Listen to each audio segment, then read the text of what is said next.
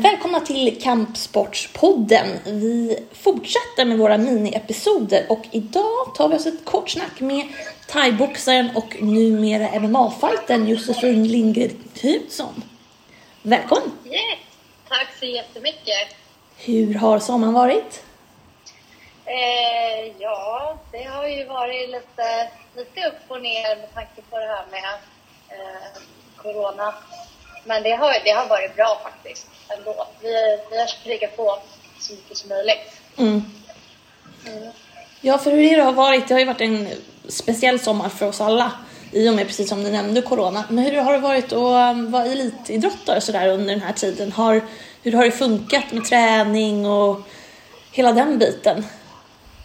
Ja, alltså det har ju verkligen, eh, eh vad heter det, det har ju verkligen påverkat motivationen. Eh, och man har ju fått ta mycket eget ansvar i början liksom, när, det, när nätpandemin var som störst. Mm. Eh, och mycket liksom eget ansvar och träning ute och man har liksom fått kämpa med motivationen ganska mycket själv. Och det, det är ju alltså både positivt och negativt. Eh, att man har fått liksom peppa till själv mm. Eh, när det varit lockdown på gym, träningsanläggningar och sparringar och så vidare. Ja. Mm. För du gjorde också din, eh, din MMA-debut nu i somras. Eh, hur var det att liksom eh, träna inför en så, så pass viktig match? Ehm. Ja, ja. Nej, men det, alltså, det var sjukt spännande. Eh, och eh, såklart, det har ju varit mycket förändringar i träningen. Eh, och jag är ju stående fighter som innan nu, både MMA, eh, förlåt, i thaiboxning och i K1. Eh, så att man har ju fått göra vissa begränsningar i sin thai och kickboxning med tanke på att det är ett annat game än MMA. Eh, men å andra sidan också försöka behålla sina styrkor så att man inte tar bort liksom, sina bästa vapen. Mm. Så att, eh, det, det var ju absolut en utmaning men det var som jag blev otroligt eh, motiverad över. Att få testa någonting nytt. Mm. Mm. Ja, hur var, hur, var det, hur var skillnaden? Kände du någon skillnad sådär direkt efteråt? Från att liksom alltså, varit van vid thai, thai-matcher liksom? Ja, jo men absolut det tycker jag. Eh, eh, för det första nu med tanke på omständigheterna kring Corona så var det ingen publik och sen går man in i liksom en ny kampsportsgren. Eh, så det var ju lite sådär att kliva in överhuvudtaget där kändes ju nästan som, som en sparring lite i huvudet. Det var ju väldigt liksom, man fick ju verkligen tagga till sig själv. Eh, och sen så um, tror jag också så här, när man går in i en ny gren så är man, eller jag i alla fall, var så otroligt fokuserad på att bara göra, göra rätt eller göra det jag liksom har tränat på när man gör något nytt. Eh, så jag var ju väldigt fokuserad och väldigt lugn, nästan överdrivet lugn än vad jag brukar vara när jag kör mina vanliga matcher i K1 eller thaiboxning. Mm.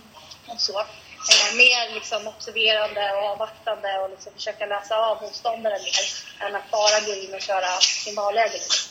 Mm. Ja. Kändes så. lite liksom, inte vara nybörjare, men du förstår vad jag menar att om man är väldigt, kör, du har kört väldigt mycket matcher i thai, hur var det att, att gå in och göra en helt ny idrott? Helt ny, men liksom ändå Fick du någon känsla alltså, som från när du började gå matcher eller sådär?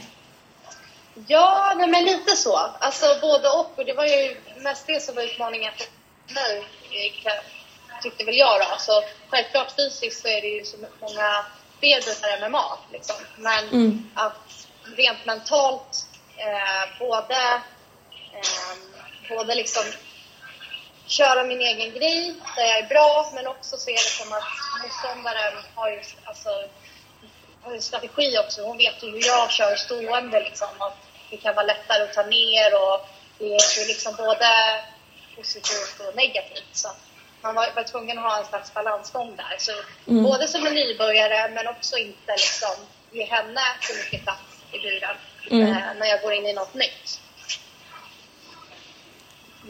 Ja, mm, mm. Så, att, eh, så det var ju mycket fokus på, på att hålla mig uppe och att, eh, att liksom min plats. Men självklart vill jag ju fortsätta vara aggressiv som, som jag brukar vara i thaiboxning och kickboxning. Men mm. inte liksom ge det till hennes förmån, så att säga. Mm. Hur, hur har det här eh, nyfikenheten på MMA vuxit fram? Är det någonting som du har tänkt på länge eller hur, eh, hur kom du in på det liksom? Ja, alltså det har ju alltid varit någonstans i bakhuvudet. Det har det ju. Jag kör ju liksom på en av Sveriges och världens bästa MMA-gym. Och det är eh, flest fighters här som tävlar MMA och på UFC-nivå. Mm. Så att på något sätt så är det alltid någonting man tänker på när man kommer till gymmet och tränar. Oavsett om jag tränar för en stående match liksom. Eller, det är ju, träningarna är ju väldigt mycket mer anpassade efter varje fighter. Mm. Så att även om jag har kört en på ett MMA-pass, sen haft en K1-match, så jag har kört mycket stående där med dem. Mm. Eh, och sen kör de, har de kört sin grej liksom på marken, MMA, nedtagning och så vidare. Så att nu blev det mer under den här coronaepidemin, när det började liksom så vi har ju haft lockdown, det har vi haft. Men eh, vi har också haft igång vår tävlingsgrupp då, eh, så mycket som möjligt. Och då kände vi att det var ett tillfälle att faktiskt våga testa något nytt och våga köra lite mer aning på det, inte bara för skojs liksom. Mm. Och det hinner jag inte göra när jag har, vanligtvis har matchschema, för då är det så specifikt inför stående då. Mm. Mm. Så nu fanns det en liten lucka för att testa något, helt enkelt? Ja, ja men precis. Uh -huh. eh, själv, självklart har jag hållit igång lite innan när man inte haft något bokat, men det blir svårt att hålla igång när man, när man har så mycket specifik träning för thai och kickboxning och dessutom så är ju skaderisken ganska stor när man gör något nytt. Det kan man inte göra liksom för att latchträna liksom. Ja, just det. Så därför har, ja, så därför har vi undvikit det ganska mycket innan nu. Eh, tills vi fick den här matchen mot Mina Back. Mm. Ja. Hur, eh, vad händer med Pajen nu då? Har du, vad går, hur går tankarna där? Jag har ju absolut inte släppt varken min paj eller eh, kickboxnings karriär. Eh, och jag är lite öppen för allt, men självklart är man ju...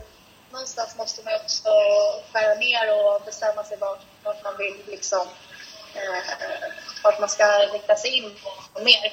Men just nu så känner jag mig ganska öppen för både Hip och MMA. Vi får ju se liksom med tanke på att det är så svårt att få matcher nu, mm. Eh, så tar jag vad som helst. Eh, jag tycker att det är det är en otrolig fördel. Även om jag kör, kommer kanske flytta mig in mer på MMA i framtiden så, så är det absolut inget fel att, att hålla igång stående. För det är ju en, en, en del av MMA. Så där får du ju göra allt. Ja, men verkligen. Precis. Eh, jag är öppen för, för, för alla grenarna där. Ja. just nu. Ja. Ja, men det låter jättespännande. Har du, eh, har du något, några matcher inbokade eller någonting på G sådär, i någon, någon av kampsporterna? Ja, nej men alltså efter den här eh, första matchen då, MMA-matchen mot Mina Back, så räknade vi med match både den 15 augusti och sen den 24. Brave hade ju flera galor här i Sverige. Mm. Ja, men, det var otroligt svårt att fixa motståndare med tanke på att det är en amatörmatch, man får inget betalt för det. Mm. Dessutom så, de länderna vi frågade då, det var framförallt Finland, så skulle de få sitta i karantän då två veckor när de kom hem. Just och det, det är inte så frestande liksom, i en, en gratissport när man kör amatör. Liksom. Nej, det blir ju... Så vi har, ja, så att vi har ju, och sen har vi ju också letat mycket thai, både i Sverige, eh, där verkar inte vara några svar från någonstans än så länge. Eh, så att vi, alltså jag, jag är ju öppen för att bara få en match överhuvudtaget. Mm.